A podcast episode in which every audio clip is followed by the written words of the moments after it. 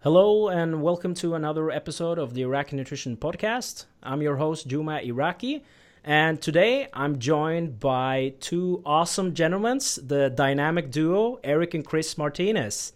How are you doing, guys? Juma, we are doing well. I think that the, the question is is our eyebrows taking up the entire screen? yeah, for people that don't know, uh, these two guys are known for their famous eyebrows. I think even Eric Helms said that you have the best set of eyebrows in the whole fitness industry. Man, huge shout out to Eric Helms for that compliment. Yeah, that's a quite a compliment right there from him. Yeah, exactly. So, um, for people that haven't that don't know you, could you guys give us a introduction about yourself? Absolutely. And first and foremost, before I get into that, um, this is coming from Chris and I, but you know, it, it is an honor to be on your podcast, um, Iraki Nutrition. We're big fans. We've always followed your work. We've, you know, suggested it to our clients. Um, you're always delivering good value. So thank you so much for having us on here. Absolutely. Thank you so much, guys. I really appreciate it coming from you too.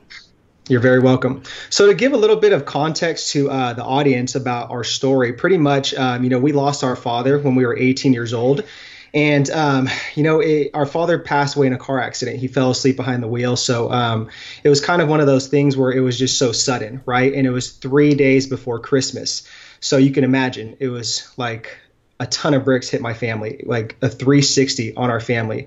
Um, after that, my mom pretty much, you know, just had a nervous breakdown. She lost her mother three months after due to cancer. So after that, my mom turned to alcohol, to antidepressant pills. Um, Chris and I were very, very lost as individuals, you know, being 18 years old because we had no guidance and um, we didn't really know what the hell we were doing. So, you know, we turned to alcohol ourselves. We got in a lot of trouble, got into a lot of fights. We got arrested. Um, like I said, we were just lost souls. And we would always come home from, you know, school. We would come home from work and we'd see our mom just, you know, just, you know, intoxicated with alcohol, just passed out with just, you know, pills on the floor. So, um, it was very difficult for us. You know, we were just really just torn emotionally. And, um, you know, for anybody out there that has lost a, you know, a family member or a significant other, um, you understand that pain and that grief that um, it's very, very difficult and it's a uphill battle for the rest of your life. But um, luckily, Chris and I are in an amazing place right now, but it hasn't been a smooth road. I'm not going to lie. But uh,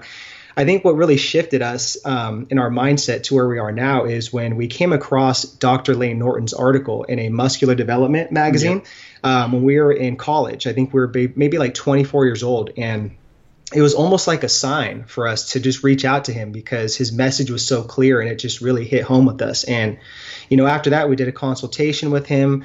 Um, we had worked with him for five plus years. He really just changed our life, just like, you know, our mentality with the gym, um, outside of the gym. And then after that, Chris and I were just like, look, you know, we have a gift to, um, you know, serve other people out there and we could help other people through these type of practices. So, we took that leap of faith and started our own business um, as well, which is now Dynamic Duo Training. So we've had that business for six plus years going strong. And, you know, we built that business, you know, through working full time at another job while going to school. So that was another hurdle itself. But um, along the way, what a lot of people don't understand about us is that we never really dealt with our, our grief from losing our, our father and, you know, our mom going through all that stuff. All we did was, we put our head down and just work, work, work. You know, and that means you know working just you know to make money. Um, you know, working in the gym, just you know, just training, just balls to the wall, just you know, looking at nutrition and training as black and white and just building our business as entrepreneurs, we pretty much put our head down and we masked that pain and we never really dealt with it the way we should have. So, you know, 13 years later now, um, I would say the last three years, Chris, Chris and I have really dealt with um, our loss, and we have really just you know changed as individuals for the better. And you know now we're just trying to help others, you know, with their fitness, um, you know, journey, their lifestyle, their personal development, their mindset, and along the way, we're trying to get better as individuals as well too. Mm-hmm. Excellent. Now, uh, I have to say, guys, I'm really impressed with how you handle this because when you experience something like that, it's really easy to, like like you mentioned, to turn to alcohol and drugs and go down the wrong path. But I'm I'm really impressed with that you spent a lot of energy focusing on uh, something productive instead, like you two. So I'm really impressed with that story. And this is also a story that you've written in uh, your uh, your new book uh, that you recently came out with, the the new era of uh, fitness, which I'm almost done with.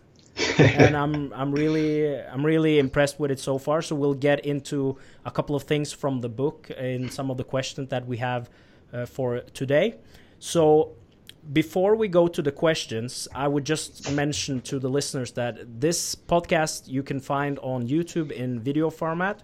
But if you prefer to uh, only listen to it in the car, for example, you can also find it on iTunes.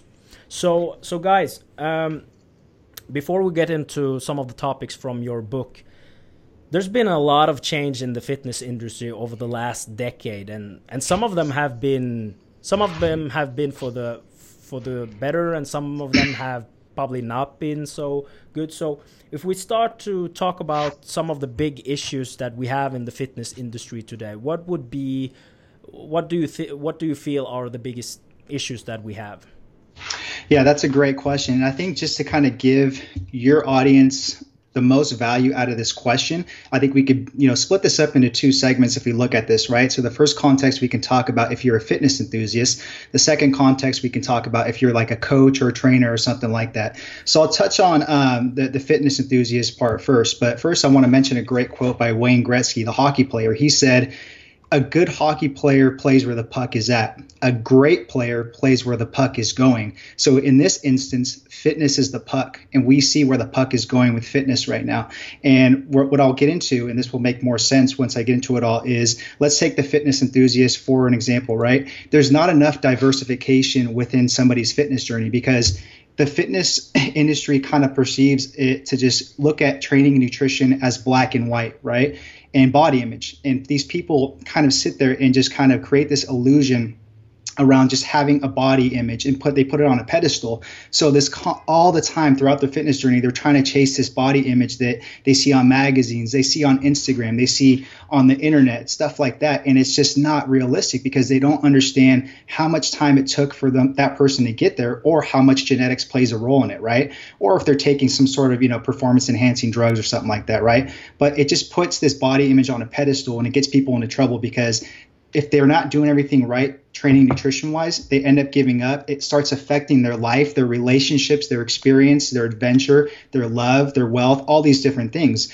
So where we see where the puck is going is you really need to sit there and evolve into this whole entire fitness journey where it includes training nutrition mindset personal development in lifestyle because at the end of the day how the hell do you have you have to blend this all into a lifestyle to, to you know accommodate your preferences your schedule your family all these different things right? And i think if we look at this as coaches what coaches are doing wrong too is they're not teaching this diversification enough too right? They'll sit there and they'll go get certified you know through some sort of organization or they'll quote quote unquote be this big famous Instagram uh, coach because they have a bunch of followers, right? And all they'll do is they'll sit there and spit out a nutrition and training program. They'll make a couple changes each week. They won't even sit there and build a deep intellectual, you know, one-to-one core conversation or relationship with their clients. They don't ask their clients, "What did you do on the weekend? What are you doing career-wise right now? How's your family doing?" You know, they look at these people just as another number and as a dollar sign. So I think that's one of the big problems what coaches are doing right now too. And I think they just really need to start focusing on really building up this entire human worth instead of sitting there looking at just training and nutrition as black and white and start developing real uh, core relationships. Yeah, and I think just to add to that really quick, I think the coaches are are not doing the work themselves, right? They're not doing like the the mindset, the personal development, the lifestyle type of work that they quote unquote say they are. So how can you really open heartedly teach that to a client? you know it's like it's a good quote like everybody i think everybody really wants to be you know physically fit but nobody wants to be mentally and emotionally fit yeah, I totally I totally agree with that, and that was great great points because, like nowadays, it's almost seems like if you know how to uh, calculate macros and set up a basic training program, you can call yourself a, a coach. But it it's so much more to, that goes into it, like you guys mentioned, uh, especially the I would say the communication part of how to how to talk to people, like how to get them to make these changes because you can basically get anyone to follow a diet plan or training pro for a given amount of time, but in the long run, it's more difficult if you don't have the the system that gets them into the the mindset and the flexibility that a lot of people uh, a lot of people lack. So I I feel the communication part, especially, is a, a skill that a lot of coaches. Uh, should work more on to improve their themselves as uh, coaches because I've I'm not going to mention any names but I've heard a lot of horrible stories about how uh, coaches treat their uh, their clients and I think you, they need to understand that I'm not I'm not talking about you you being a babysitter for your your clients but at the same time you need to have like a relationship where you also can talk about other parts of your life as well Absolutely, hundred percent agree with you. So, moving on, what do you feel have been happening in the fitness industry over the last decade for the better? What's what's actually been good? Because a lot of people say that information is more available these days, and some people say that that's a good thing, while other people say maybe it's a bad thing. So, what's your what's your opinion about that?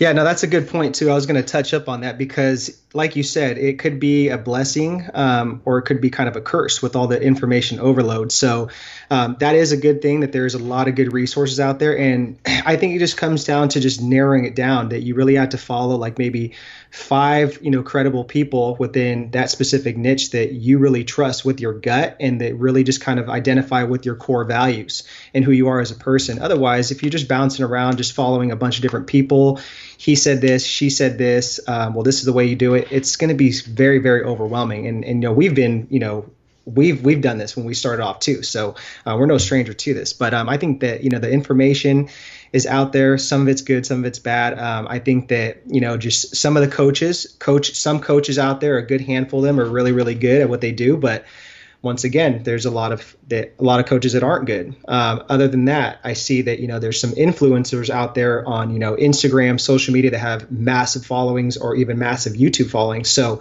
they're putting out good messages as well too. But then again, there's a lot of people that aren't putting out good messages. So those are kind of my takeaways on what's like the better in the fitness industry. I don't know about what Chris has to yeah, say. Yeah, so what that. I'm seeing is just like obviously you're very involved in the the evidence based field too, Juma. So you see that like this past uh, decade, it's just it's evolved so much and we're getting like very close to where it eventually wants to be but we're still far away from that at the same time. But that gap you know is really from bridging the gap between science and application is closing in which is great. And, and it's like what brad schoenfeld says you know just uh, science is a big puzzle right? And they're doing all these different types of studies and they're just small little pieces of puzzle. But will we ever sit there and put that entire puzzle together? I don't know. You know it, it's tough to sit there and predict that but i think where it's going is great.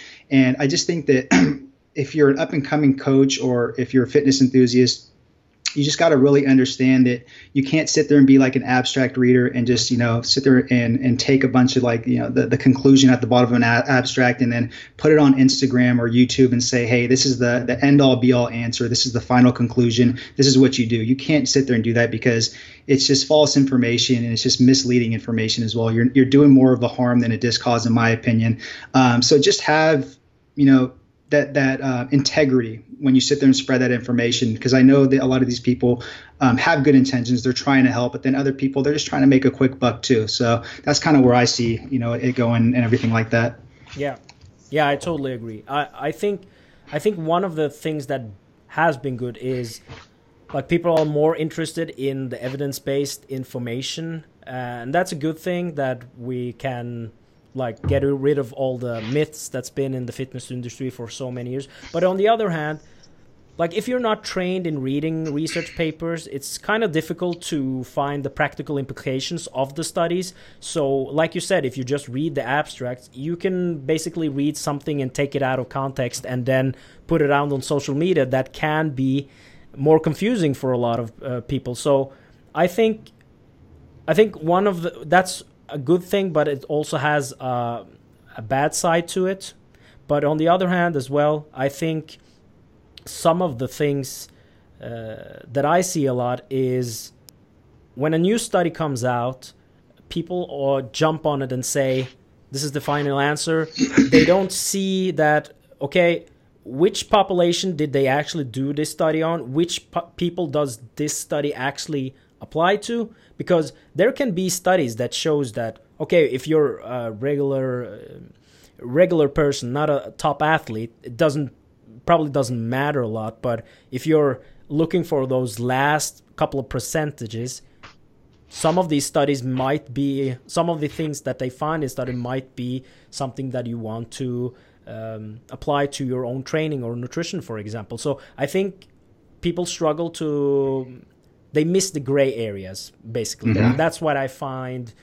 Uh, that's what I found a bit negative about uh, the development because now, for example, if if you if if a coach has done uh, a, let's say a coach has done a protocol with his clients for five years and it works every time, but there's no scientific studies showing that this is the way to do it. That's one of the issues that I have because you can't go to that coach and say, well, show me a study that shows this because there's a lot of things that we don't have sufficient data on and there's a couple of other things that we probably won't be having data on because it's it's like doing research on it it would cost a lot of money and it would only apply for a small percentages of the population. And i'm i'm talking now about like typical bodybuilder protocols that uh, let some people follow for example studies on how you um, do your peak week, for example. There's a lot of ways to do that, but there's not a lot of research about how you manipulate sodium and water and carbohydrates and stuff like that. But so you can't just go up to a coach and say, uh, what you're doing is wrong because you don't have any scientific evidence to back it up. You understand what I'm saying? Yeah. Yeah. So. Yeah, and, and, you made a great point. What you said about just kind of how people will take like the, the, conclusion and run away with it and say that's the end all be all, and they don't even understand really how to break down the study, right? So people don't understand that there's a lot of limitations. They need to understand the population, like you mentioned. They need to sit there and understand what the model is like. Is the model a real world practical, you know, application you're going to use with clients in the real world setting? They don't understand dropout rates. They don't understand like you know significant type of changes, right? So if you compare two types of diets, and in one group wins by just losing maybe one or two pounds, is that really that big of a significant matter? Probably not, right? So I think a lot of people really got to start understanding how to read the research and, and, dissect it. And that's why there's great resources out there like Alan Aragon's, uh, Bret Contreras, uh, Eric Helms, uh, I think even James Krieger has a good one out there, or even like go spend some time in a lab or you know hire some sort of coach that knows how to dissect and they can accelerate that learning curve for you. Yeah, yeah, I totally totally agree with that. So let's move on to uh, some of the topics that you cover in the book. You one one of the things that you talk about in your book is being flexible with your training and with your uh, nutrition. And uh, we've previously done a podcast on this show with Alan Aragon where we talked about flexible flexible dieting, but we can touch upon a bit about that, what what uh, how you see flexible uh, nutrition, and also talk about what you mean by flexible training, like how we how we actually do it in in practice. Sure. Yeah. So what we basically mean by that is just go out there and train, you know, whenever you want, eat whatever the hell you want. No, I'm just kidding. the, the, the, audience would probably just silent Yeah. um, so what we mean by that is basically, you know, the, the evidence has evolved, you know, showing that, you know, there, there needs to be some sort of flexibility in nutrition and exercise. I, I don't know the, the, the studies off the top of my head. If you want to email us, we can more than gladly send you over those citations to show you that there is evidence to back this up. Uh, but really at the end of the day a lot of people you know they want the next you know golden macro ratios. They want the next golden um, you know nutrition program. And they want the next you know best dup program or periodization program. But what they forget is about adherence and, and personal preferences and consistency thus leads to results right? And this great acronym by um, eric helms and his muscle and strength pyramids is ref right? Ref realistic, enjoyable, and flexible. And if you could just implement that acronym into training and nutrition, you will be so much better off probably getting results because you're going to enjoy it. It's going to be realistic for your goals and it's going to be flexible when shit comes up, right? Because life happens and there's got to be times where you got to be able to move things around and be flexible. So I'll talk about um, kind of exercise a little bit. Eric will talk about nutrition. Yeah. So Chris hit the, the nail on the hammer right there with the REF acronym. And with like when it comes to flexible nutrition, we kind of like taking clients through stages depending on what, you know, their you know was it what's the what's the, what's the right term for this? Like what their um you know past like you know history is with like nutrition training you know how many years they've been doing it. So we like taking them through three stages which is beginner intermediate and advanced. So the the beginner um, you know tier is pretty much like building a foundation of a house. You know that's just you know learning basic portion sizes, learning what macronutrients are, you know, protein, carbs, and fats, you know, how to just eliminate highly palatable foods, how to just, you know, have things in moderation. Then if you can graduate from there to the intermediate stage, that's more of like, you know, focusing on, you know, body composition, just, you know, wanting to look good naked. Maybe you're on the cusp of wanting to do a show, a photo shoot, take it more serious. But that's when you start maybe Im- implementing, you know, just, you know, tracking things where you're weighing foods out. Then once you get to the advanced level, that's obviously the advanced level. So that's when you got to take nutrition a little more serious and really track everything to enhance your overall body composition. So that's tracking macros, tracking calories. Um, you know, if that's intermittent fasting, paleo, whatever you like doing, um, you know, we're not, we don't think that there's one universal diet, but we do think that flexible nutrition with, you know, flexible dieting is the way to go. It's the most realistic way. But that's kind of what we mean by, you know, flexible nutrition that, you want to go through different stages, you know, beginner, intermediate, advanced. And then you have to understand this too that it's always okay to drop back down to different tiers. So, like if you're an advanced, you know, if you're really advanced, you could go back to nutrition level for like four weeks. Maybe let's say that you're going on vacation, maybe you're traveling a lot, maybe stress is really high, and you're not going to be able to sit there and commit to, to tracking food religiously it's okay to sit there and drop back down to the beginner um, tier and just portion out foods eyeball them, give yourself a nice little mental break, and still keep yourself relatively in that spot that you need to, you know, attain your goals through nutrition. Yeah. And then with exercise, I mean, we kind of follow the same type of model where you're kind of leveling up on this. Uh, and this is all coming from practice, from being personal trainers, you know, working with over a thousand clients in person, out of person, um, you know, past 10 years. And basically, what we see is, you know, whenever you're doing flexible exercise, you want to learn the basic um, movement patterns, right? So you want to have like a push pull pattern, you want to have a hip hinge pattern, squat uh, squat lunge pattern, so that they understand these fundamental, you know, movement patterns, so they can progress properly over time. When you add volume and you start manipulating frequency, intensity, all those things, right? Then maybe you want to level up after that to start thinking about, hey, maybe I'll start doing upper lower split, maybe I'll start doing a five day split, uh, maybe I'll start doing a, a full body split three or four times a week, depending on on your schedule, stuff like that. And then when you get to the advanced stage, maybe we can then start thinking about periodization, how we're going to ma- manipulate um, adding volume over time, how we're going to manipulate intensity, frequency, um, you know, rest periods, stuff like that. You know, I just think people get too caught up in just wanting to get to the top of the ladder too quick. You know, and they don't really understand that you have to kind of you know graduate and you have to work your way up that ladder. And then when when when life hits you, when there's stressful moments, you work a lot. Um, you know, there's things going on in your life, it's okay to go back down that ladder. You don't have to always be at the top of the ladder with your training nutrition. You can be flexible and come down in the middle, come down the bottom, then go back up at the top. It's called training and nutrition periodization, pretty much. Yeah, I told I I really like both the concept because, like, sometimes people get to like you said black and white when it comes to training and nutrition, and you have like for example let's say you're having some issues with your knees or your hips, but it's Monday and you have to do squats on that day and you go in and you do it and you get injured, right? Because you weren't flexible. You have to follow the training program like like it was written.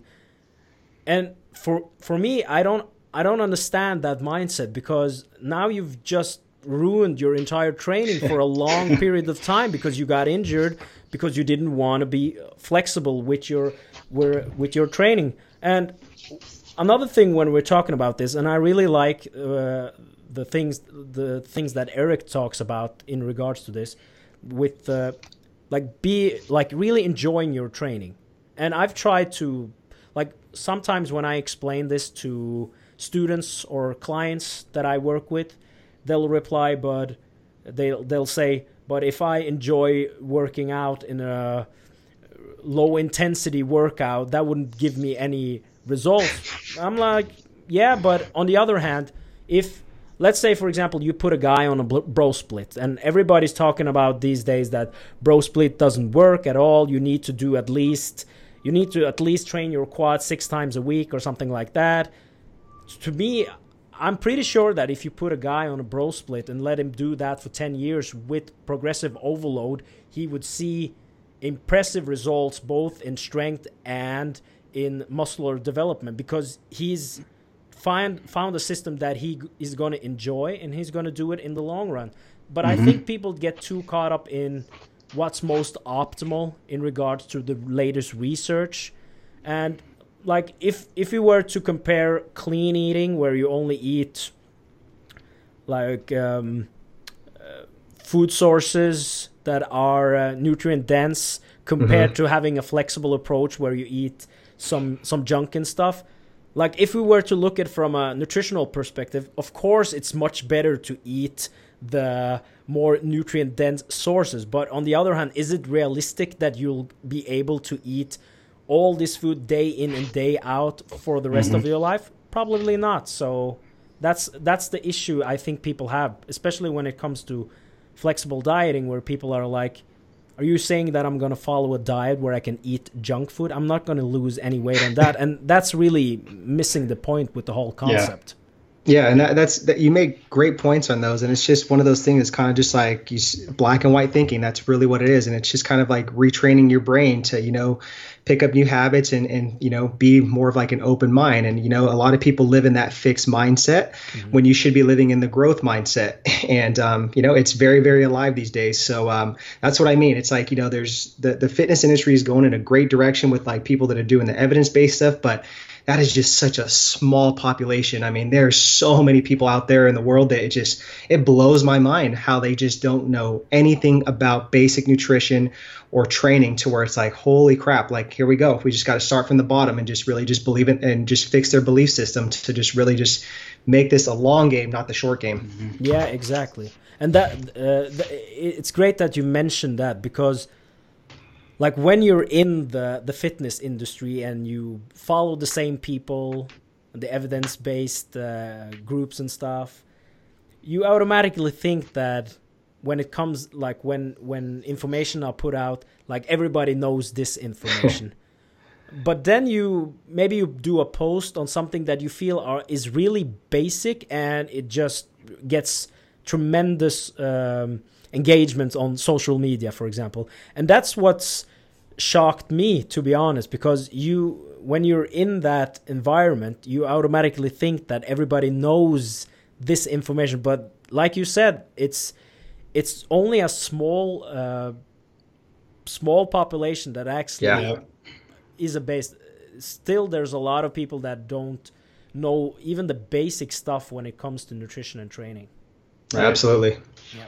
So we talked a bit about training and uh, and nutrition, but in your book you also talk about other uh, parts that also are important. You talk about mindset. You talk about lifestyle. You also talk about personal development. Tell us a bit about a bit about that. Yeah, yeah, great question, and um, I'll cover the mindset component because I think the mindset is so huge. Um, and pretty much what we talk about in our book is how to develop a relentless mindset in today's era and society. I mean, if you think about it, there's so much noise out there, right? Which is social media. We're just always go, go, go, all the technology. It's like we don't have time to think for ourselves sometimes. And then a lot of us have, you know, other, you know, priorities such as relationships, families, kids. I mean, the whole nine yards. So it's like, how do you really get shit done? You know, and it's just without going crazy. So we talk about developing a relentless mindset through number one, not comparing yourself to others and what they're doing unless they truly, truly, truly inspire you and have made an impact in your life don't sit there and go on Instagram or Facebook and follow these big, you know, influencers that just make their life seem like it's like glorious and there's nothing wrong because that's really going to mess with your head. Okay. Uh, and then after that, you know, criticism. It is there. Everybody has been criticized in their life, um, including myself, just growing up and it's not going to go away you're going to be criticized for the rest of your life so once you understand how to take you know a grasp of you know being criticized and just surround yourself with you know like-minded people people that are going to give you positive energy and you're not wasting your time and energy on negative people then criticism is going to be really easy to get over the last one i'm going to talk about is fear okay what fear does ultimately is it paralyzes us and it robs us from our dreams it robs us from you know unlocking our true gift in life and serving the world and you know mastering our craft and showing other people the way so if you look at it fear everybody think that it, it's like everyone thinks that it's a huge wall, right? But it doesn't really exist. It's just you could walk right through that wall, you could put your hand right through it, and that's really what it is. It's all in your head. And just think about how many times you have feared something and questioned yourself about something, and at the end of the day, it's like did it really matter? Did it really, really just like, you know, make a true impact on you to where it like held you back like physically? No, it didn't. It was all in your head. So if we can, you know, master comparing ourselves to others, being criticized, fear, then we can just do a lot of great things. And the last one I'll, I'll add in there is emotional resiliency when it comes to mindset. How are you being vulnerable? How are you, you know, working on your emotional fitness? You know, how are you really just, you know, connecting with people? How are you becoming a better person and pouring out your emotions, right? Because a lot of us, especially men, we, we're, we're portrayed as we have this ego and we're so masculine to where we can't sit there and cry, we can't show weakness. And that's not the way it should be, especially in this new age. I mean, you have to sit there and show that you are human. You have to be empathetic to others. So, you know, emotional resiliency is huge when it comes to developing a relentless mindset. And before I talk about um, you know personal development and lifestyle, I just want everybody to know that Eric is the twin that cries a lot, and he's the one that's the most scared. I am. I'm totally okay with that. I have to give him shit. I'm the little brother. Okay, so personal development. So if we kind of look at this, um, you know, we're talking so much about training nutrition, right? But what are you doing to sit there and better yourself as a person, as a human being, right? Sometimes we talk about oh well i want my self image to go up. I want my my net worth to go up right? But what about your human worth? How are we getting that to enhance with your training and your nutrition right? So if you kind of look at this as an image as a cake right? The entire cake is the foundation of us a human. And all that's on the top of that is the frosting is just the training nutrition. That's all it is. It's just extra right? So if we can sit there and and improve our personal development every single day, get 1% better, you know, in our relationships, in our adventure, in our love, in our experiences, at our jobs, our careers. Imagine how much easier it's going to be to blend in the training and nutrition and get those results that you want right? So i'll give you just you know two really good examples uh, for time's sake on pers- personal development that your audience can actually take action with right? There's this great book called miracle morning and he talks about an acronym called savers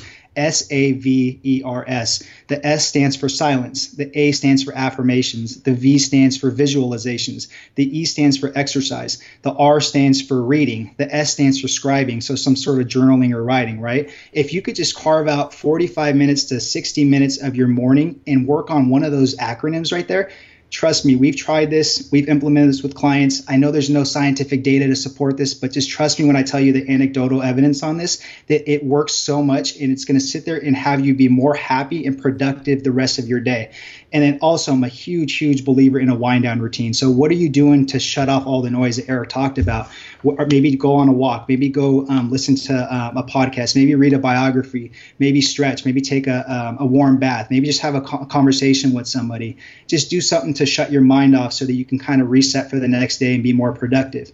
And then, lifestyle how the hell do we sit there and, and blend this all into a lifestyle, right? Because at the end of the day, that's what we're all chasing. We're not sitting there chasing the six pack abs, um, the buff arms, the rip back. We're chasing a lifestyle that we want to be happy about and enhance, right? We all want to live a fulfilled, happy lifestyle. So I think why not chase the four pillars of life health, wealth, love, and happiness, right? So, how can you sit there and improve in all those categories just besides training, nutrition, or looking to get that six packs? Excellent.